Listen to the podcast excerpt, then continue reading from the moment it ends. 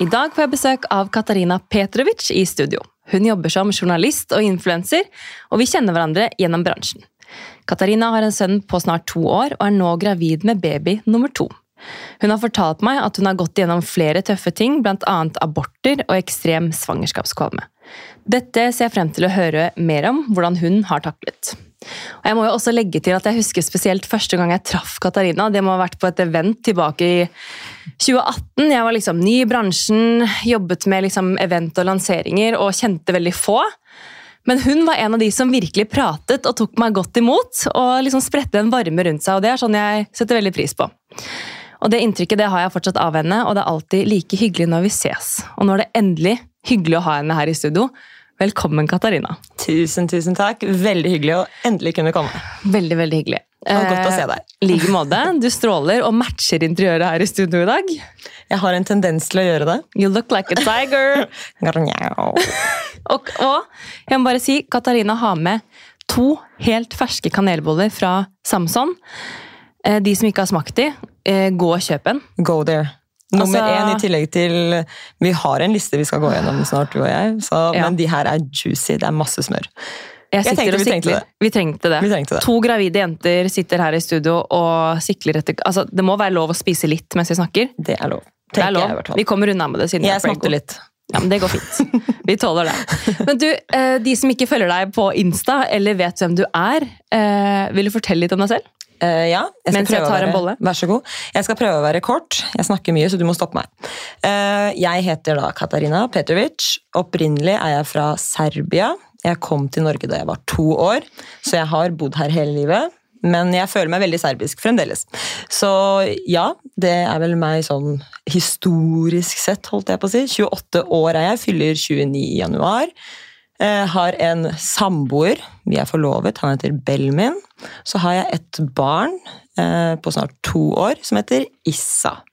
Vi bor på Grünerløkka og har bodd i Oslo i ca. fire år. Og så har jeg tidligere drevet med håndball, spilte det ganske proft da jeg var yngre. Mm. Og nå er det ikke mye håndball, men eh, det er mye aktivitet i familien. Det er mye um, aktivitet med kids, altså. Ja, Det er nok håndballtrening for meg om dagen. Du, hvordan er det å um, Du går jo snart liksom inn i tredje trimester. altså, det er helt sjukt. Hvordan er det å være gravid og ha en toåring snart?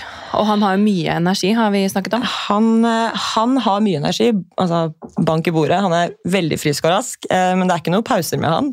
Det, altså sånn som jeg sa til deg da vi snakket her om dagen, Vi har mange venner som har barn, og som også har Han er jo en gutt. Guttebarn, og de sier jo liksom ofte Det er jo ikke liksom alltid det er sånn, men de sier jo ofte at gutter er litt mer ville enn jenter. Eh, Og til og med de vennene som har guttebarn, har vært sånn ja. Issa, ja. ja. Det er fart i han. Så ja, det er fart. Eh, Men herregud, altså, som sagt, han er frisk og rask, og det er det viktigste. Eh, Hvordan det er, eh, sammenlignet med første graviditet når jeg ikke hadde noen, så er det jo stor forskjell. Det er jo det. Altså, man, man får ikke tid til å altså, slappe av på samme måte. Man finner liksom de lukene man har, men man er jo på jobb, og så har man jo arbeidsoppgaver i hjemmet. Yes. Eh, Så det er jo, altså, man henter seg jo inn på en måte av og til de kveldene man har, eh, hvor man ikke har noe annet å gjøre. Men igjen, altså sånn, han har begynt i barnehagen, så det hjelper jo litt. Sant? hjelper litt. Ja, det gjør det. Så mm, ja, men herregud, altså Er han sånn som eh, har fortsatt like mye energi når han kommer hjem fra barnehagen, eller? faktisk, enn så lenge. Men mange sier at det liksom tar litt tid da, før de vel kommer inn i en sånn Eller jeg vet ikke. Før de, senker, senk, ja, Ja. før de senker seg litt og kommer til hva skal man si, ikke ro, men venner seg til de nye vanene, og så blir man litt mer sliten, sier de. Men han Ja. er altså vi, han kommer hjem fra barnehagen og er bare sånn mamma, mamma, njam, mam, njam. Så skal vi spise, og så er det sånn farter'n rundt mens jeg lager middag og leker, og så spiser vi, og så er det ofte at vi bare drar ut en tur. Ja, for å Og- få et ja, Om det så, tampen, ja, men liksom. literally, ikke sant? For Hvis ikke så bare vimser han rundt i leiligheten, og han sitter ikke ned. Det er ikke sånn sitte og se på film. Det vil han gjøre når han er liksom sliten. Men hvordan går det med, går det med leggerutiner og sånn, da? Vil han, vil han legge seg i det hele tatt? Eh, helst ikke. Hvis Nei. han kan velge selv, så vil han jo ikke det. Men han, selvfølgelig, som alle andre barn, så får han jo sånn Du merker jo når han begynner å bikke. Og jeg vil si at liksom, de siste dagene så har han kanskje begynt å bli litt trøtt litt tidligere. Så vi har prøvd å begynne å legge han litt tidligere. Det er fremdeles samme protest, men han, liksom, han sovner faktisk. Så han er nok mer trøtt, selv om han ikke vil innrømme det. Men hvis ikke vi liksom er sånn Isa, nå må vi gå og sove litt og slappe av. så er det ikke sånn at han liksom legger seg ned. Det gjør han ikke. Så vi må bokstavelig talt, og hver gang vi sier 'nå er det natta, Isa', 'nå må vi gå og legge oss', eller 'nå skrur vi av TV-en og går og pusser tenner', så er det sånn 'nei, nei, ikke, nei'. For han har begynt å snakke litt norsk også. Nå er det 'nei, nei, ikke nei' som Ja, gjelder. fordi dere snak snakker dere serbisk hjemme? Ja. Fordi både Eller, du og ja, serbisk-bosnisk. Det er Bosnisk, jo samme ja. språk. Mm. Så ja. Primært det. Det er bra, da. Får i, får i seg to språk, holdt jeg på å si. Ja, det var, det var et bevisst valg. Og alle vi har snakka med, sier at det er lurt hvis man har muligheten til det, at man holder seg til det hjemme, og så lærer han jo norsk i barnehagen. Men snakker du og Belmin Samme språk. ja. Ja. men sånn, Når han legger seg, snakker dere Ja. norsk? Nei. Nei, dere snakker serb... Eller, ja, ja, altså sånn, hva skal man si? Det, det, det varierer. Det spørs kanskje litt på tema. Sant? Okay. Men, men som oftest så snakker vi altså, Hvis serbisk, det er litt høyt under taket og man uh, fyrer av litt, så er det liksom Altså, Vi fyrer nok mest på hverandre på altså, serbisk, bosnisk, Ja. serbokroatisk, kall det hva du vil. Ja. Ja, vi fyrer nok mest der. Oi, det er litt gøy, da. Ja, og så Hvis det blir liksom tematikker som er veldig sånn spesifikke innen bransjer, eller ting som vi liksom virkelig på en måte, egentlig kun snakker om på norsk, så bytter vi om. Men okay. det går Det for det meste i vårt språk, altså. Interessant. Ja. Men du, Apropos bransje. Du har jo vært lenge i motebransjen og jobbet som journalist. Har du liksom alltid visst at du vil jobbe med det? Altså innen mote og Altså, jeg har nok alltid vært det folk sikkert vil kalle en estetiker. Det Ja, ligger- det er du. Ja, det ligger, det ligger liksom på en måte litt, litt i meg, vil jeg si. Det er, mamma er det, og mammaen hennes er det.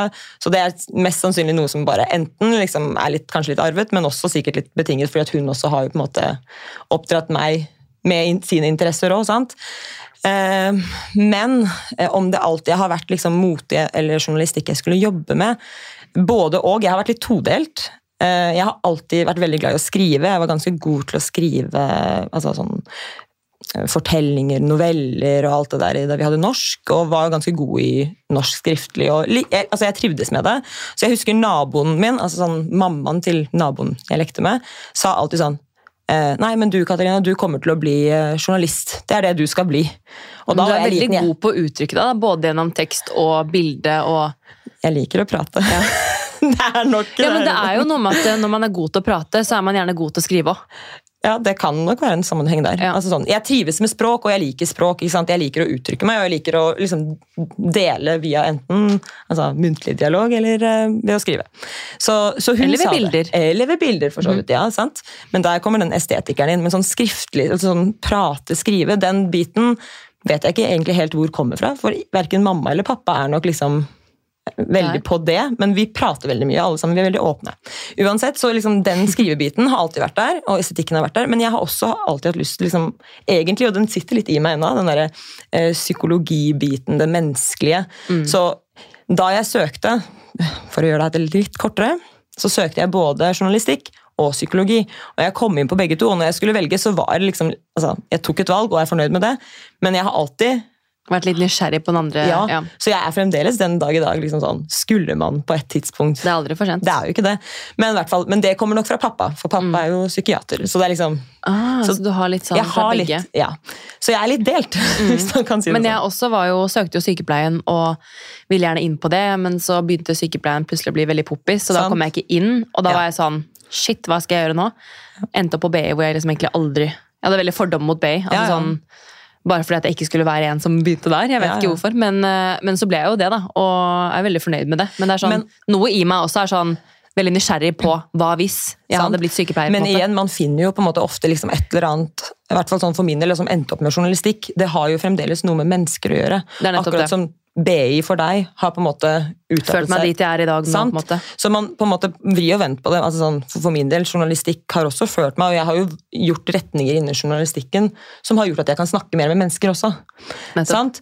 Så, så man kombinerer det man finner jo en vei, men det er jo ikke lett å velge én ting. Herregud, det er jo det er- så sjukt mye. Man blir veldig nysgjerrig på av alt annet som Ja. finnes, da. Og du ser jo barna våre også. altså sånn, trekker det til det. Ja. Det er jo ikke rart at folk syns det er vanskelig å velge når man blir eldre. For vi også, de skal jo ha alle aktiviteter, de skal jo prøve alt, og de skal jo ikke like alt. Men altså, vi gir dem jo muligheten, og mulighetene er jo ekstremt mange. Yes, og det er jo like mye muligheter for oss voksne som det er for barn. Sant? Men altså, eh, journalistikk, og så har du jo på en måte influenserdelen. Der har du Ja. på en måte den andre estetikeren i deg.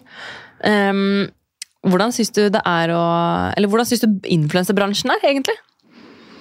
Altså, Vi har jo snakket litt om det før. vi har før. snakket mye om det. Og jeg har jo mye meninger om det meste. Kanskje gøy for folk som ikke liksom, er inne i, bransjen, eller i den bransjen og hører litt sånn behind the scenes. Altså, si. Det spørs jo sikkert også hvilken bransje man er i på liksom Instagram eller TikTok eller sosiale medier, men konkret for meg da, så er det jo da mote og interiør. Altså, det har vært mest mote, men jeg vipper vel kanskje litt mer og mer mot en annen retning. Men når det kommer til mote, og det gjelder jo også andre ting altså det Jeg på en måte, altså jeg er veldig glad for, å være, glad for å være del av en få lov til å være en del av en bransje og ha noe å si i en bransje, det er jo kjempegøy og det er kjempeinteressant. Jeg har jo lært mye i løpet av de årene jeg har vært der, og ting har jo utviklet seg.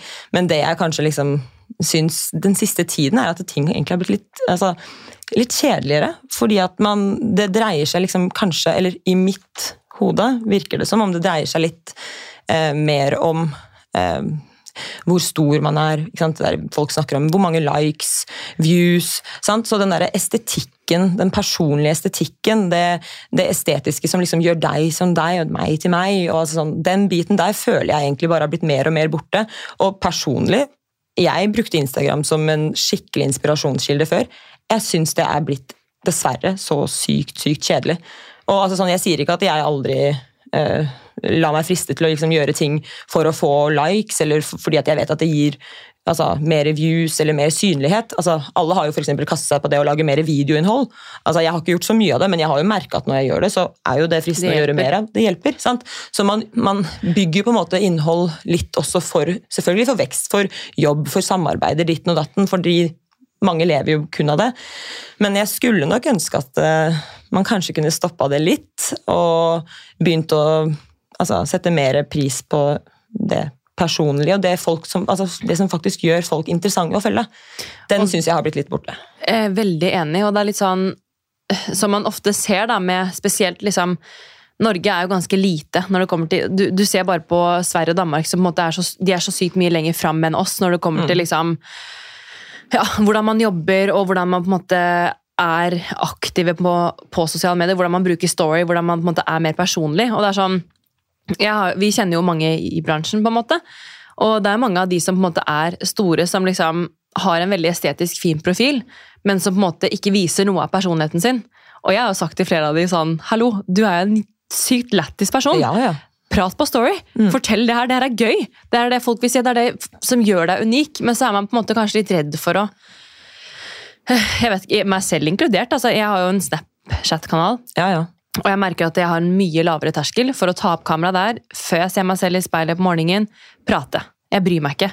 Men er, det, er, jeg på Instagram, så er jeg mer sånn ok, her må ting være perfekt. Her tar man kanskje på et filter, Sant. fordi her er man på en måte på jobb på en annen måte.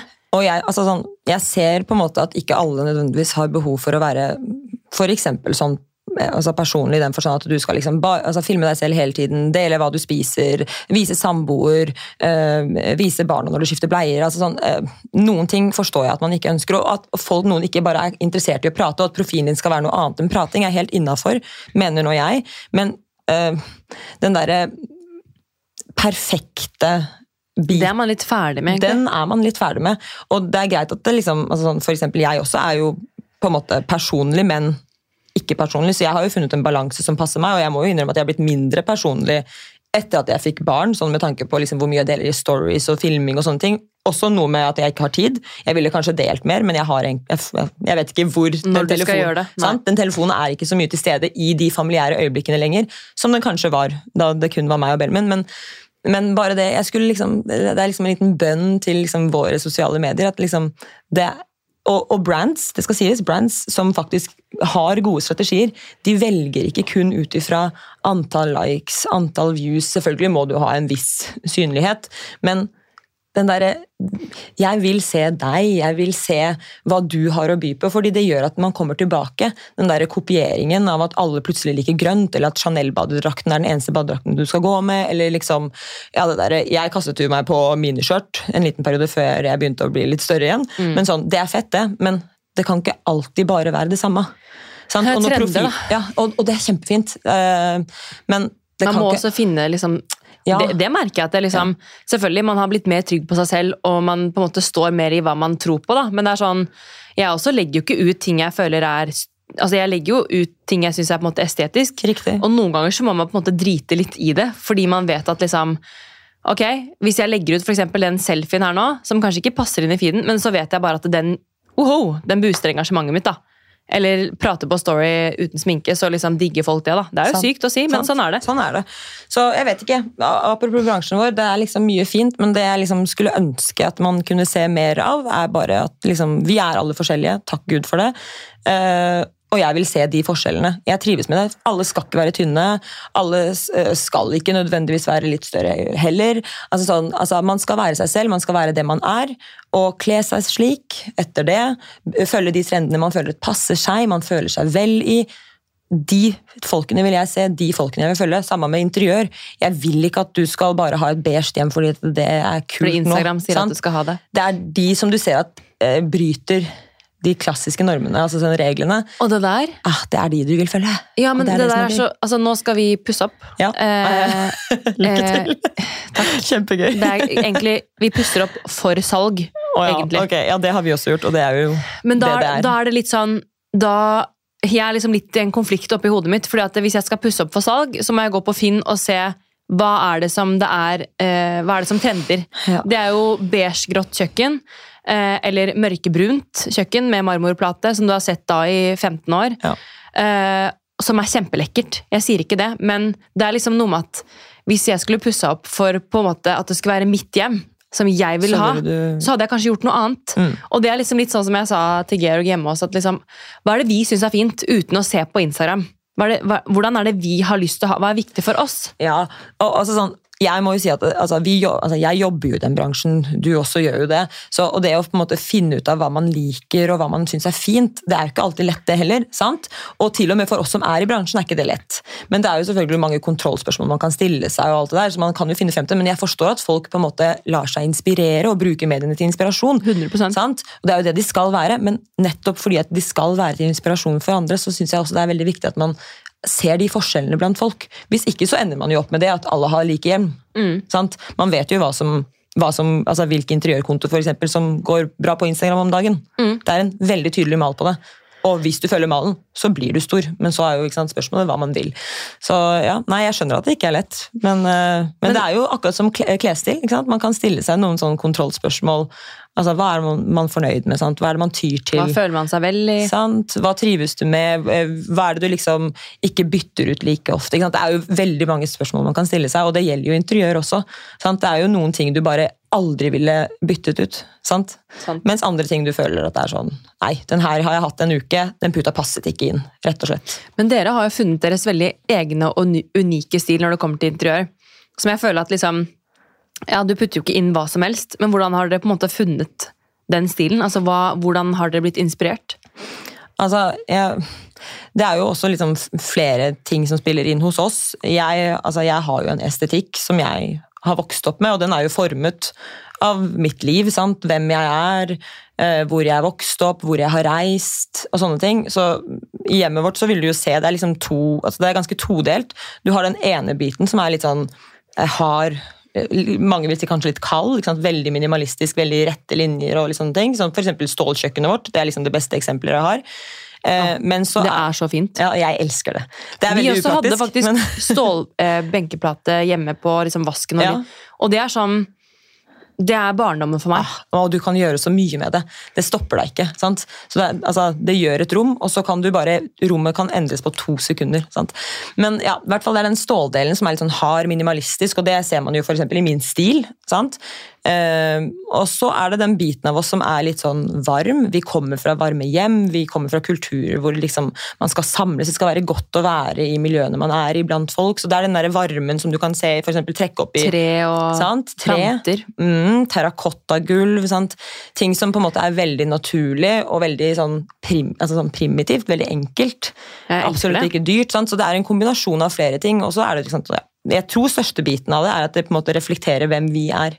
På en måte Både meg og Belmin. min. Sant? Det er veldig viktig for oss når folk kommer hjem til oss, at det skal føles du skal være velkommen. sant? Du skal føle at du ikke, du, du må ikke sitte sånn i sofaen vår. Det skal på en måte, det skal være estetisk, men du skal også føle deg fri til å Hjemme, liksom. Ja. Så det er liksom flere ting, men jeg tror primært det som har inspirert oss, er selvfølgelig en estetikk, noe du liker, altså visuelt. sant? Hva du liker å se på, og hva du finner inspirerende, og så er det den personlige biten som jeg føler at alle hjem på et tidspunkt får. Det tar jo litt tid, men man får jo det. Man får det etter hvert. Mm. Jeg har litt å lære deg, kjenner jeg. Det er, eh, ja, men det er så mange valg. Ja, ja. Vi kan snakke om det en annen gang. Vi tar en, eh, over en bolle. Altså, Apropos bolle, jeg har spist opp hele bolla. Jeg beklager hvis jeg har smattet her. Du har ikke smattet, men jeg rekker ikke å spise, så jeg bare prater. Ok, Men nå kan jeg prate litt. Neida, Men det er jo du som skal prate. Og ehm, før vi liksom går over til en annen del av podden her, da, så lurer jeg jo liksom litt på hvordan du kombinerer på en måte jobb og mammaliv. Uh, er du flink til å på en måte altså, ta vare på deg selv? Ta vare på venner? Altså egentid? Er du god på det? Eh, Det korte svaret der er absolutt nei. Eh, Og vi har faktisk snakket om det de siste dagene, ganske mye, fordi det også har vært mye krangling rundt nettopp det. Og så satt jeg her om dagen og liksom blåste ut til en venninne. Her om dagen, jeg tror det faktisk var senest i går.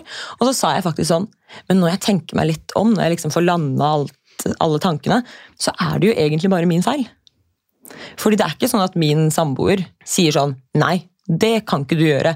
Eller at han blir sinna hvis jeg sier at jeg skal være borte en kveld. Eller hvis han, at han liksom sier nei, men det passer aldri hvis jeg sier at jeg skal bort en helg eller reise. Tvert imot. Det er kun meg det ligger på. Så nei, absolutt ikke. Jeg har ikke vært god nok. Og mm, jeg tror at jeg, det er en ting jeg virkelig må jobbe med. Fordi jeg merker det nå, at jeg trenger det. Er det at du får du dårlig samvittighet hjemme eller overfor Issa? Har, Eller er det bare at du liksom tenker sånn Nei, men jeg er mor, jeg skal være hjemme, passe nei, på Nei, altså, det er vel egentlig ikke det. Altså, det er, det er en, en side er vel, tipper jeg, da jeg har prøvd å analysere dette. sant? Analysere meg selv litt. En ting er at jeg elsker å være med han. Jeg hadde så lyst på han at det er liksom sant? Det er han, han- jeg vil, altså For meg så er det få ting som på en måte måler seg med den tiden jeg har med han. sant? Så det er veldig få ting jeg mener at det er viktig nok for meg å gjøre. Til og med til for meg. han bort? Absolutt. Sånn, ja. Og det kan liksom så, og det høres helt feil ut, fordi at for eksempel hvis jeg hadde tatt meg en treningsøkt, så vet jeg at jeg hadde følt meg bedre, men før jeg kom meg dit, så føles det bare ikke viktig nok. Nei. nei. Eh, Så jeg, sånn, jeg føler at jeg kan gjøre ting når han eksempel sover, eller hvis jeg vet at han har en avtale, noe da sliter jeg ikke. Men bare det at for, for min del å gå på butikken eller gå og shoppe, hvis det er liksom noe jeg har lyst til å gå og gjøre, så føler jeg at jeg alltid har hevede skulder, så jeg løper alltid hjem igjen. Og det er min feil. Men om det kommer av at jeg bare er sånn som mor, eller om det kommer av at vi har hatt en, en vei til å bli foreldre som på en måte ikke bare har vært eh, eh, fin, det vet jeg ikke, men jeg har et ekstremt behov for å være rundt han, og det er virkelig noe jeg vet at jeg må jobbe med. Så jeg har prøvd, jeg dro til København sant, uten han denne gangen, og jeg må ærlig innrømme at jeg tenkte mye mindre på han enn det jeg trodde, og at jeg syntes det var veldig deilig, for du kommer jo selvfølgelig hjem med en helt annen energi. Sant? Du, Det det har, ja, men du har jo det, du har jo mer krefter, bare det å sove en natt, uten at du liksom passer på om liksom dyna ligger over, eller liksom at... Man eh, er jo alltid på. ja, ja, ja. Ja. Og så sover jeg litt dårlig fra før av, for jeg følger jo med. Så uansett, nei, jeg har ikke vært god nok. Ja, hønemor, veldig. Men du, eh, litt sånn overgang her nå, da. Fordi Ja. at eh, vi møttes eh, i fjor høst på Mhm. Samson. På, vi skulle bare ta en kaffe, egentlig, og en bolle, som vi er veldig glad i. Og det regner jeg med at det blir, det blir flere boller når vi skal ut i perm. Det er allerede en avtalt, eller avtalte dater. Ja, og vi snakket om det da vi gikk i perm sist, at vi skulle teste ut alle bollestedene i Oslo. Fy fader, det og er, rate det. altså, det er bare en Instagram-konto i seg selv, det. altså. Ja, men det er det! Hvert fall for sånne som deg. Bollemammas. Å, fy fader. Jeg vet ikke om det er lov å si. Literally. Ja, ja, det er lov. Kom igjen. Den kontoen får vi opprette litt Ja, ja. senere. Men du fortalte jo meg da at du hadde vært gravid, og at du hadde mistet. Eh, Men det her var ikke første gangen. Har du lyst til å fortelle noe om din gravidreise? For du har jo vært gravid flere enn to ganger. Flere enn to ganger. uh, ja. Uh, herregud, uh, hvor begynner man? Jeg føler at jeg har vært gravid i ja, hvor lenge? Altså sånn, siden han egentlig altså, ja, Før han ble født. Han er to år. Så tok det vel ett år før det, så jeg har vært gravid nesten konstant i hva blir det, fire år snart. Sant? I hvert fall, Det begynte med at vi egentlig Det er bare så sykt ja, å det er helt sjukt. Altså, kroppen merker jo det.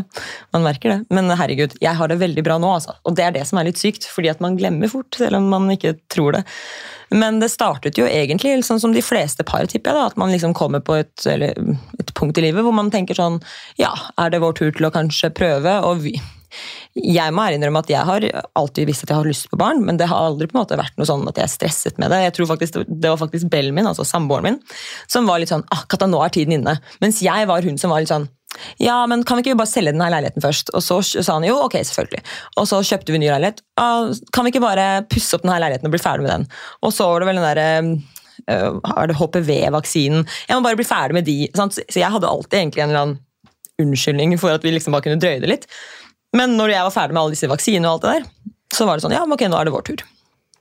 Og altså eh, Jeg vet jo på en måte mye om graviditet, vil jeg si nå, men hvor mye jeg visste om det å bli gravid og graviditet før jeg begynte altså seriøst Nei, jeg, du, det ikke, nei, nei, ikke noe med hodet sånn. Jeg var blankere enn deg, jeg lover.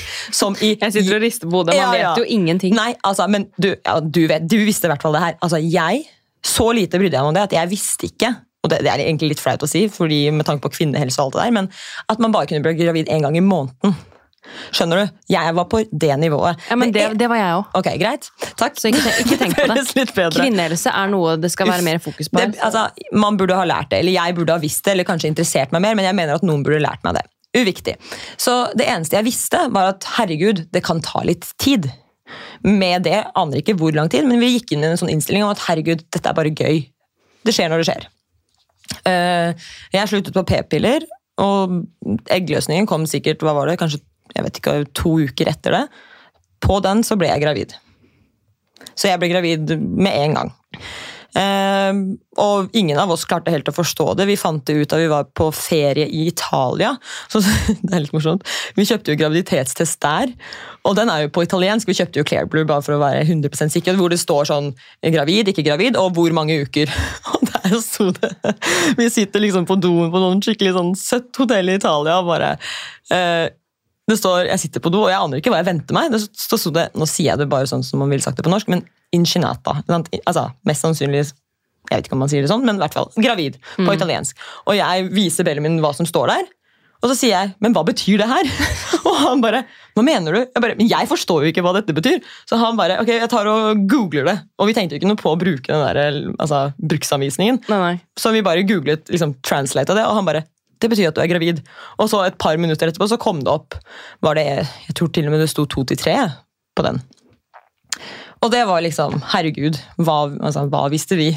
Vi gikk rundt i Italia. altså Jeg hadde jo kost meg med vin og absolutt alt. Ja, ja. og visste ingenting, men Vi liksom gikk ut og feira den kvelden. og ja, herregud, Vi gikk og var litt sånn nyforelska igjen. sant? Det er jo den følelsen Det er veldig stort. Den er stor. Altså, Selv om man liksom ikke vet noe. Og jeg må jo ærlig at jeg visste jo ikke, jeg hadde jo ikke noe tanke på at ting kunne gå galt.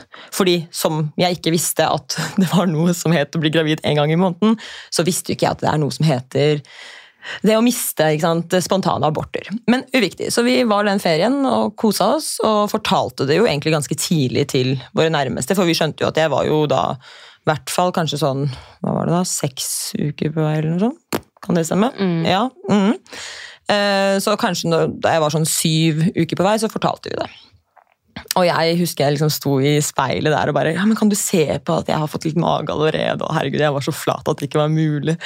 Men uh, hvert fall Jeg husker det der. Altså. Ja, ja, herregud, Det er litt morsomt. Jeg husker det, jeg tror jeg til og med har bilde av det på telefonen liksom, hvor jeg står og ser i speilet, og jeg er bare sånn Du skjønner ikke, jeg, jeg er så flat. Um, kommer hjem, drar til København på Fashion Week. Uh, og er sånn, liksom, oppfører meg sånn som jeg tenker at det er normalt at man oppfører seg. hvert fall som førstegangsgravid. Ganske avslappet i alt. Selvfølgelig har lest meg litt opp, skjønner at det er noen ting jeg skal, ikke skal spise, skal spise, kan spise, ikke bør, bla, bla, bla. bla, bla. Eh, kommer hjem fra den turen og begynner å blø. Eh, ganske med en gang etterpå. Eh, da var jeg ti uker på vei. og det var altså sånn, Jeg skal ikke gå i sånn veldig mye detaljer, for det er liksom litt dramatisk. Men det var midt på natta. Eh, jeg begynner å gå på do, begynner å blø og sier, liksom, kommer tilbake men bare jeg blør. og jeg, altså, De fleste skjønner jo at det, liksom, det er kanskje ikke så bra. Eh, så jeg var sånn, ah, det likte jeg ikke, jeg trivdes ikke med det. og Så gikk jeg og la meg, kom, reiste meg på do igjen, blør enda mer. Vi dro på legevakten, de kunne ikke se noe, ikke sant? blir sendt videre, bla, bla, bla. Begynner å blø enda mer dagen etter så blir det konstatert at jeg Jeg drar på ultralyd selv, og så blir det konstatert at jeg eh, At fosteret har, har, dødd. Altså, det var vel to uker Eller én uke før, eller noe sånt. Så det var da Jeg var vel i da, hva var det, uke ja, ti-ish, og så hadde fosteret da dødd i uke åtte-ni. Eh, og det var jo ikke sant, totalt sjokk. Den, den, første gangen der var bare sånn, Ingen av oss skjønte hva som For vi var bare, vi var bare glade, vi. For det her skulle bli en baby ni måneder senere. Så det var den første.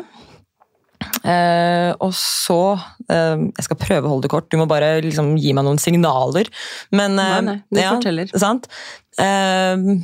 Det, ja, det var første, og herregud, vi skjønte jo at ok, det var, det var sånn det gikk. Kroppen ordnet opp selv, takk Gud for det.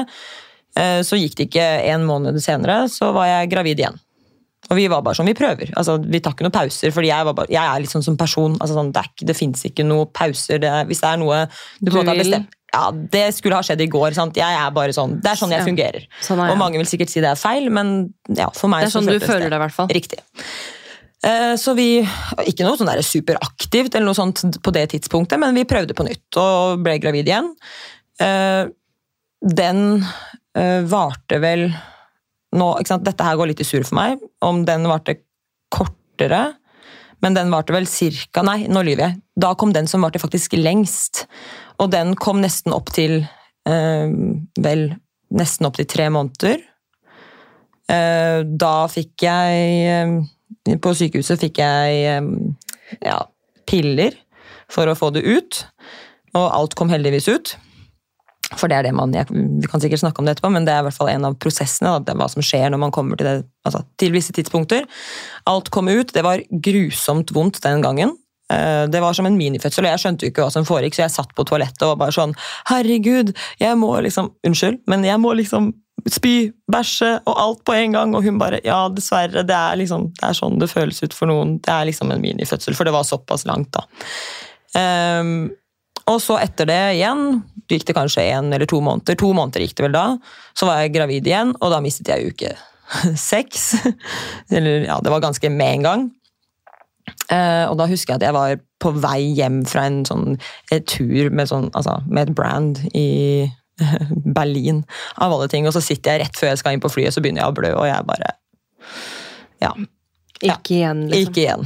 Men jeg skjønte jo hva som gikk, og da må du liksom ja, holde maska og komme deg hjem, og det er grusomme greier. Eh, Så det, det var liksom tre spontanaborter ganske rett etter hverandre.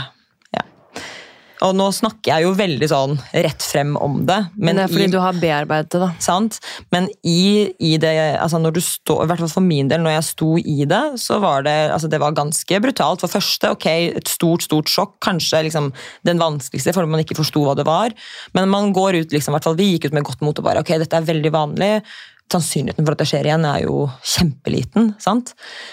Uh, det skjer igjen, og da blir man jo på en måte mer redd, sant? fordi at man begynner å skjønne at oi, herregud, er det mulig at det er et mønster her? Men igjen, det er fremdeles normalt, og alle forteller at dere er jo så unge, og dere er friske og raske, og det er ikke noe grunn til at dette skal fortsette, så neste gang så går det her fint. Og vi tar det med oss, selv om på det tidspunktet da, liksom, til og med på nummer to, så kontrollfreak som jeg er, da, da begynte jeg sånn. Sant? Du følger med på eggløsning. Når har du eggløsning? Jeg tror til og med da at jeg begynte å kjøpe eggløsningstester. Sant? Bare for å være helt sikker på at vi treffer. Sant? Um, ja. Så det blir jo helt obsesst. Sant? Og så den siste, den tredje spontanaborten. Da kom i hvert fall jeg på et punkt hvor jeg var sånn Ok, dette kommer mest sannsynlig kanskje ikke til å gå. Og vi begynte til og med å snakke om mm, sånn type Hvis ikke det går, hva gjør vi? Og begge to var jo selvfølgelig Vi snakket om det her om dagen også, faktisk. Husker ikke hvordan vi kom inn på det, men vi var sånn Herregud, vi lever jo selvfølgelig et liv lykkelige sammen. Vi vil være sammen. Med barn, uten barn. Helt uviktig, egentlig. Som selvfølgelig er en stor trøst. Eh, men eh, eh, vi sto og var sånn Ja, men det kan hende at vi kanskje på et tidspunkt må altså, adoptere et barn hvis vi virkelig har lyst på det. Og den Man som, blir bare sånn rørt av å tenke på at, Ja. alt dere har vært igjennom. ja, det er helt sjukt. Og den siste gangen, det ser du, jeg glemmer, men den siste gangen, den spontanaborten Nei, det- nei du, det må ha vært andre gangen, for den siste gangen var på tur. Andre gangen, faktisk, det var fak eh, da vi var på tur, da, rett den tiden det er Så altså, ja. ja, det er grusomt. Ja, jeg sitter og får litt tårer, ja. for at eh, det har vært litt mye følelser i dag. men jeg skal gi deg, ja, jeg vet det. Men jeg skal gi deg, dette er en fin ting som viser liksom Det er ikke, det er ikke meg det er synd på. nei, nei, men herregud. Man det er føler seg bare veldig takknemlig. Du, vi er to gravide, sant? Mm, det er lov til å gråte litt. Ja, det er lov. Og husk at jeg har hatt masse tid til å bearbeide det her. Den, men dette er fint. Vi var, altså sånn, den, den, midterste gangen hvor jeg hadde spontanabort, så var det faktisk i februar. Det var da Bellen min fridde, altså fridde til meg. Så hele, Det var en tur i Paris, og vi trodde at jeg var gravid og at det skulle holde. Og så begynte jeg å blø og bla, bla, bla, bla, bla igjen. sant? Så, og, så det var veldig fint. Altså, han sa jo liksom da han fridde og alt det der, at liksom det er oss to uansett. Barn, ikke barn. sant? Nei.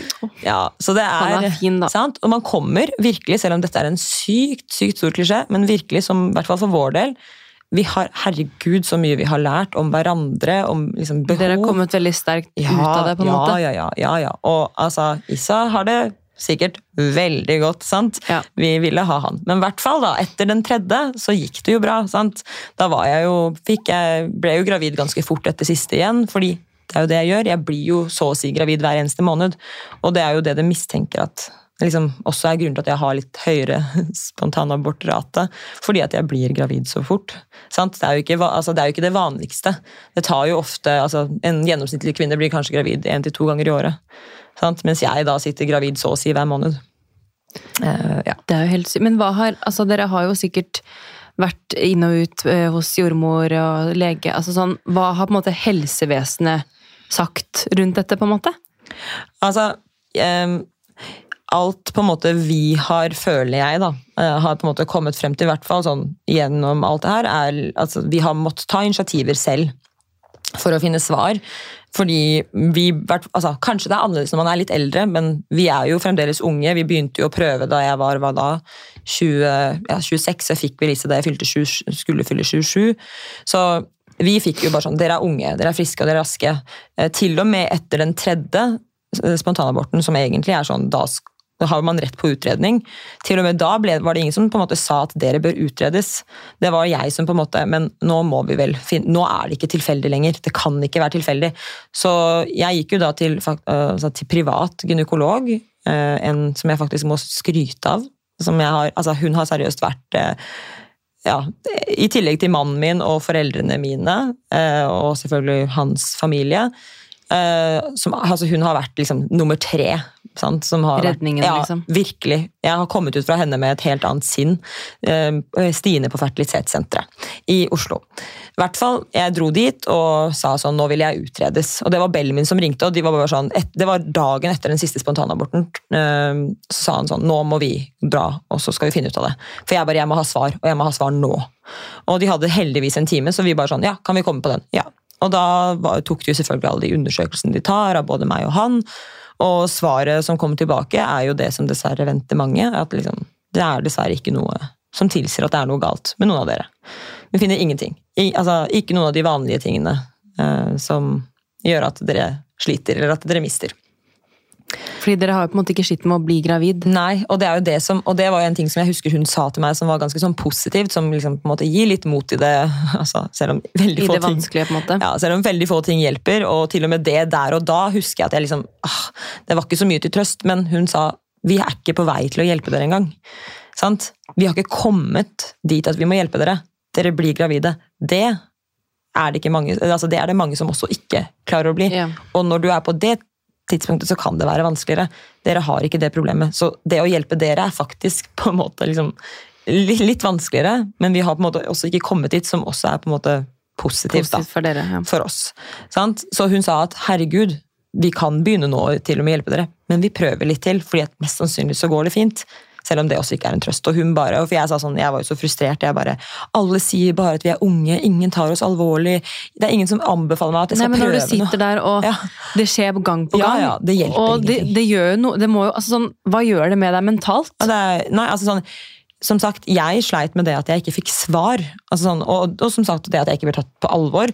Så når hun sa sånn til meg Nei, dere er ikke unge. Dere har begynt på riktig tidspunkt. Så dette her, dette skal vi finne ut av. Så altså, hva det gjør mentalt jeg, jeg, altså, jeg, har jo, altså, jeg har jo aldri vært så jeg vil si, si at jeg er en ganske sterk person. Jeg er sånn, jeg er veldig følsom, men jeg klarer liksom å komme meg gjennom ting.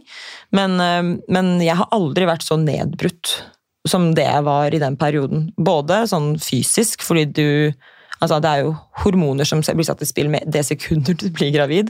Og jeg gikk jo ut og inn av graviditeter, så hormonene mine var jo grusomme. Altså sånn, Jeg var kjempelei meg. Mye lei meg. Um, Og så er man jo redd. sant? Det er jo frykt, altså sånn, hvert fall hvis det er noe du har veldig lyst til. så jeg, Det var en reell frykt for at vi liksom ikke skulle kunne få barn, og man vil jo, vi ville gjerne det. Så jeg var jo ikke bra. altså På det verste så var det sånn, jeg ville jo ikke gjøre sosiale ting. sant? min bare ja, skal vi gå ut og der, bli invitert dit. altså Jeg ville ikke se mennesker. Altså, jeg ville ikke Men det se husker jeg du mennesker. fortalte altså da Ja. vi møttes i fjor høst. Ja, det er grusomt. Det er jo et år siden, og da, det var jo den første aborten. ja, det, det var etter Issa. Ja, det var, ja, og da husker jeg du også fortalte det samme da, så jeg kan jo bare tenke meg når du har opplevd det noen ganger til etter det, og man har vært liksom inn og ut av Altså, jeg, altså alle andre på, liksom, Den følelsen jeg husker var verst, på en måte, var det at jeg liksom følte at alle andre egentlig bare fortsatte å leve. Mens mitt liv det bare sto, Sto stille. helt stille. Og det gjelder til og med Belmin. Altså, det er jo vanskelig for han, fordi han opplever jo ikke det fysiske. Han ser jo han, altså, Psykisk så blir jo han påvirket også, og han ser jo meg. Og sånn som han har sagt, det, er jo det verste var jo å se deg. Sant? For han kan ikke føle på noe annet. Han følte jo ikke noe endringer på kroppen, eller noen ting, men han så jo meg, og han sa altså, på et tidspunkt i prosessen, for jeg var jo tydeligvis sikkert mer dårlig enn det, jeg, den, ja. enn det jeg klarer til og med å huske selv, fordi man glemmer jo fort når man på en måte får det man ja, ønsker seg. Eh, Men han sa sånn at han bare, hvis Katarina, du, du har det ikke bra, og hvis det, her får, altså, hvis det er sånn her du skal bli, og hvis jeg kommer til å miste deg på veien, så stopper vi nå. Sånn, for han bare, jeg vil ha deg tilbake, altså jeg vil ha deg i denne prosessen. Jeg vil ikke, jeg vil ikke ha et barn med, ikke med deg, altså med en, med, med en skygge av deg. Så han sa sånn, Herregud. vi stopper hvis, det her, hvis du blir borte nå, liksom. Og, og det var jo, altså det var, eh, det var tøft. for Ja. hyllest til han, altså. Det var tøft. Som sagt, altså, sånn, Jeg husker til og med at han skulle liksom invitere meg ut. og vi, altså, Den ene kvelden var faktisk veldig fin. Han var sånn, Katarina, for jeg hadde sagt nei til alt vi skulle gjøre. Han bare Nå går du og jeg, og nå drikker vi oss drita. Og jeg bare nei, og jeg fikset meg ikke. Han bare dro meg ut. Han bare Jeg må gå i hvert fall fikse meg. Nei, vi bare drar ut sånn. Så satt vi oss på altså, hva, hva, heter den eh, Tijuana på Grünerløkka, og han bestilte liksom en sånn stor balje med mojito og tequila shots. Og herregud, ja. Ja, det var, eh, det, så han har vært en god støtte opp i alt. Men mentalt, det har ikke vært fett, altså. Det har ikke det. Altså jeg Så- tenker jo, sånn som Abort er jo et tema som det har kanskje vært litt lite fokus på i den podkasten her. Vi har, jeg har hatt noen gjester som har vært åpne og pratet om det, men jeg ønsker på en måte å løfte abort mer fram på agendaen her. Eh, spesielt da det liksom er så mange som opplever det, og få som prater om det. Og da tenker jeg liksom sånn Du har jo vært litt åpen om abort i dine kanaler. og altså, Hvordan kan man bli flinke til å prate om det og eh, dele mer? Altså, jeg, som jeg sa til deg da vi møttes, da, det her er jo da etter at jeg fikk et barn. Ehm, jeg skal, si, jeg skal minne meg på at jeg sier litt om hvordan det var å gra gå gravid med han også, for det også er jo en greie for seg selv. Men, men hvordan man skal bli flinkere til å dele det. Ehm, jeg sa jo det til deg da vi møttes i november, at jeg vil gjerne prate om det nå, når jeg står i det. Ehm, men jeg var usikker på om jeg klarte det. Og til og med da eh, første gangen jeg begynte å snakke offentlig om det, det var jo først da jeg hadde kommet et stykke ut i graviditeten med Issa, med sønnen min. Fordi at da var det på en måte også umulig for meg å skjule det, fordi at jeg er jo synlig. Eh, Men med familie og venner, eh, mine nærmeste venner og familien vår, så har jeg vært åpen hele veien. Så fra første til liksom, siste spontanabort så har jeg på en måte delt, delt det og Ja. snakka åpent om det. Eh, og hver gang jeg på en måte sa noe til noen andre litt utafor min krets også, så var det bare sånn Å ja, men herregud, jeg har jo opplevd dette her eh, så mange ganger, og jeg har opplevd dette og dette, og nei, men herregud, vi, kun, vi opplevde det, og så måtte vi ta IVF, og så Altså, det er veldig mye av det, men eh, det snakkes ikke om, og hvorfor. Ja, det er jo liksom Det er jo fremdeles litt sånn tabubelagt med tanke på dere Ja, du skal ikke dele noe før det har gått altså, før etter tre måneder, og det på en måte har blitt bygd opp litt sånn, og sikkert også fordi at man vet at sannsynligheten for at det går galt også er stor, men nettopp fordi at den er det, så bør man jo dele det. Men som for, for min del, grunnen til at jeg ikke delte det når jeg sto i det, var fordi at jeg rett og slett hadde mer enn nok Med deg selv. Ja, egentlig å bearbeide det selv og forstå hva som foregikk. Og herregud, jeg leste jo på Altså, jeg levde på forumer. Som i Jeg levde, og takk Gud for at det finnes sånn forumer fra 2006 til og med. sant?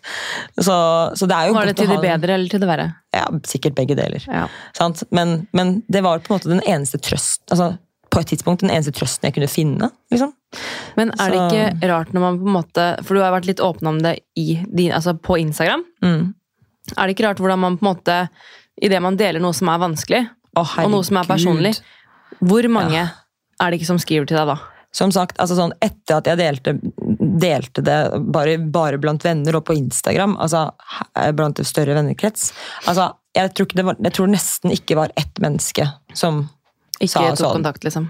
Ja, og som ikke sa sånn 'herregud, du, det går fint', jeg skjønner at det er vanskelig, jeg også har gjort det, du er ikke aleine. Altså sånn, og hvor mange som står i det, sant? som tar kontakt og bare 'tusen takk for at du deler'. Så det er liksom noen av de tingene som, altså, som man får litt sånn dårlig samvittighet for, da, for min del, da, for jeg har jo da gått gjennom to større runder. Sant, med det her, er at jeg ikke når jeg står i det har delt, fordi at de som da, for det er alltid noen som står i det, og det er så mange som tok kontakt og som sa sånn, jeg står i det nå, og det hjelper meg så mye å lese det du sier, og det gjør meg så glad å se deg sånn nå, altså sånn, så man burde jo Man blir jo et egentlig, håp, ikke ja, man for blir jo det, man blir jo det, og man burde jo egentlig bare være flinkere til å hjelpe hverandre i det, men som sagt, kanskje, altså sånn, jeg synes det var vanskelig fordi jeg måtte hjelpe meg selv, Man også. må faktisk hjelpe seg selv før man kan Sant? hjelpe Men jeg visste fra starten av at jeg ville dele det. Jeg visste at jeg skulle si det på et tidspunkt, men jeg måtte bare komme meg Litt ovenpå. ovenpå. For til og med som sagt, etter den tredje spontanaborten, da jeg satt gravid med Issa Altså, en lang, lang tid i den graviditeten så var jeg bare redd. Hver gang noen, altså Jeg klarte nesten ikke å ta imot en gratulasjon. Og så Hver gang jeg snakket om han, eller til og med skrev poster på Instagram om at jeg er gravid, så var det sånn Forhåpentligvis venter vi en baby i november. Om alt går bra, venter vi en baby. Ja, så Når folk sa gratulerer, jeg bare ja, forhåpentligvis så går dette bra. Altså sånn, jeg, jeg sa bare forhåpentligvis. Jeg satt med hendene på magen hele tiden. altså sånn Herregud, det er så mange ting man kunne snakke om. Altså, jeg, jeg klarer nesten ikke å få, liksom, få hodet rundt det, men det, det, er, altså, det er så mye du går igjennom selv. Både før, mens du går gjennom spontanaborten, og når du da også blir gravid. For man tenker sånn, ja, så blir du gravid, og så går det over tre måneder, og så er det bra. Nei, det er jo ikke det. Jeg visste jo ikke hvor, tydeligvis hvor stressa jeg var i den graviditeten før mamma sa det liksom, etter at jeg hadde født uh, Issa. Hun bare 'Endelig slapper du av'. Jeg hadde da liksom sittet på, holdt meg på magen. Når vi spilte kort, så sa hun at jeg liksom, plutselig bare kunne bli borte liksom, fra kortspillet. og bare sånn, Hun ser at jeg bare ikke er til stede, og så kan jeg plutselig sitte med, begynne å gråte. bare sånn Helt ut av det blå, fordi at eh, jeg kanskje ikke hadde kjent spark like ofte, og han var aktiv. sant? Men man, jeg var konstant, altså sånn konstant trygt. Jeg hadde vel kanskje ett tidspunkt midt i hvor jeg følte meg liksom Oi, dette var litt hyggelig. Men mest av alt så var jeg egentlig bare veldig redd mot slutten. Jeg kunne ikke vente med å få han ut. Sant? Så du kunne passe på han utvendig? Ja, Liksom. og selv om det ikke, kanskje ikke gir mening, det heller. Men jeg, bare, han, jeg visste at han var ferdig på slutten, og jeg var bare sånn, han trenger egentlig ikke å være der inne en dag lenger.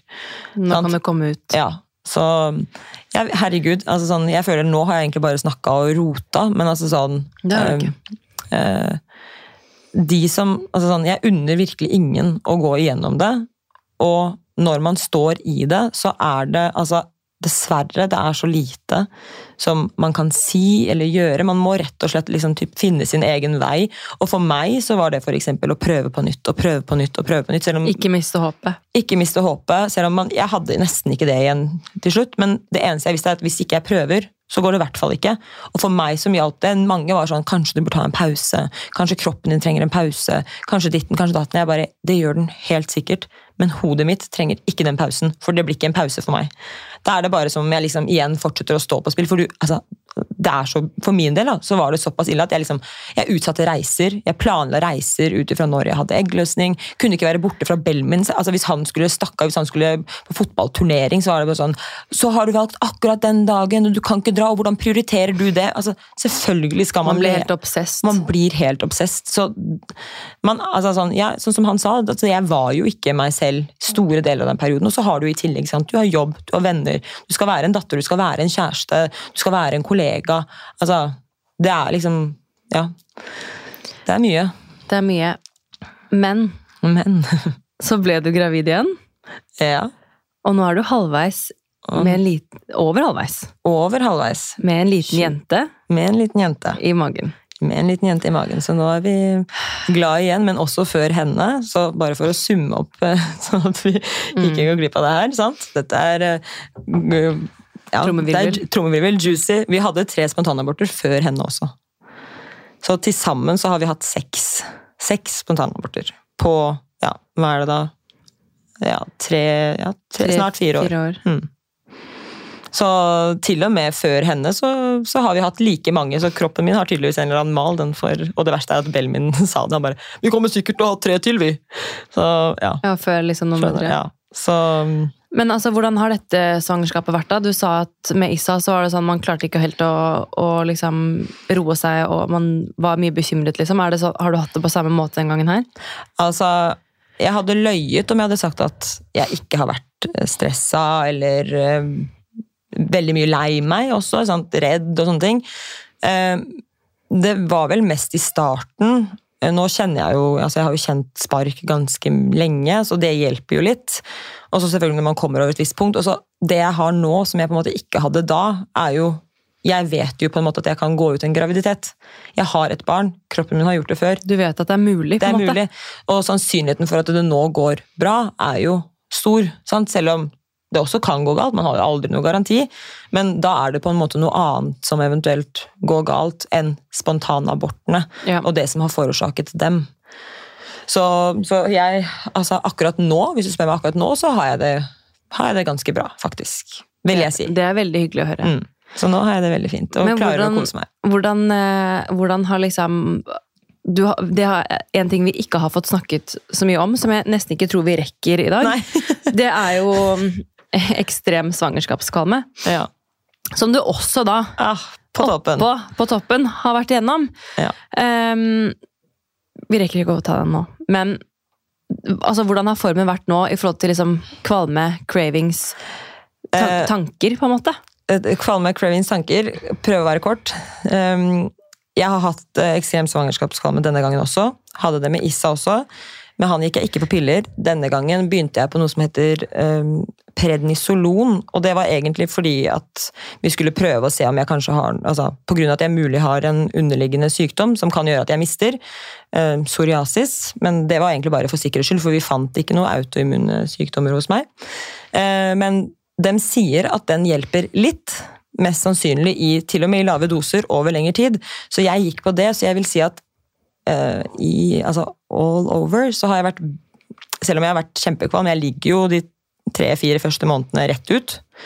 Eh, Men jeg vil si at jeg har klart å spise mer og være litt bedre i formen denne gangen, sammenlignet med Issa. Som sagt, da gikk jeg ikke på noen ting, så det, det er en egen historie om hvordan det er å ha hyperemesis. Du må få inn noen på det, for det er helt jævlig. Nei, men Jeg syns nesten vi kan ta en egen Ja. episode med deg på den. Vol 2. Ja. Katarina skravler. Ja. Nei, men det, skal vi, det kan vi prate om, for det er også grusomt. og i hvert fall når man da går gjennom spontanaborter. Altså, to, av gangene, eh, to av spontanabortene mine har jo da vært med hyperemesis, så jeg har jo ligget da i tre måneder og så vært kjempekvalm, og så skjer spontanaborten mens jeg ligger og er veldig kvalm. Fordi at to av spontanabortene av alle seks har vært over uke 13. Så det er, eh, ja, så det er, det er ganske heftig når du da tror at Kjenner at man lever da. du kjenner at man lever da. Når du tror at det skal gå bra, og at du ligger og er kvalm, for alle sier sånn når du er kjempekvalm, så er det bra, sant? Eh, Men så går det dårlig, og det er en påkjenning, eh, både fysisk og psykisk, fordi du da på en måte ikke offrer, du ofrer jo noe uansett, men du har da ligget i tre-fire måneder for det som ikke er noen ting, for den kvalmen er grusom, og du vil at den skal være verdt noe på slutten, på en måte. Men hvordan, liksom Siste spørsmål her i dag, da. Hvordan ser du på det å gå fra ett til to barn? Hvordan forbereder du deg? Eh, godt spørsmål. Ehm, vi har egentlig ikke turt å snakke om det så mye, og mest sannsynlig også ja, pga. det vi har gått gjennom. Men ehm, vi har begynt å småskravle litt, og herregud, det blir sikkert heftig. Eh, og sånn som jeg gjorde med Isa, sånn som vi gjorde med Isa, vi tok det litt som det kom. Det spørs jo sikkert hvordan, altså, det spørs jo på hvordan barn du får. Isa var en kjempe, kjempefyr, han er det fremdeles. Han var veldig snill og sov og hadde egne rytmer fra starten av. og alt det der. Så vi får se hvordan baby blir, men vi, vi går inn med, med, en positiv, ja, med en positiv innstilling, og vi gleder oss til å møte henne. Og det kommer sikkert til å bli drittøft, for det blir plutselig én på én.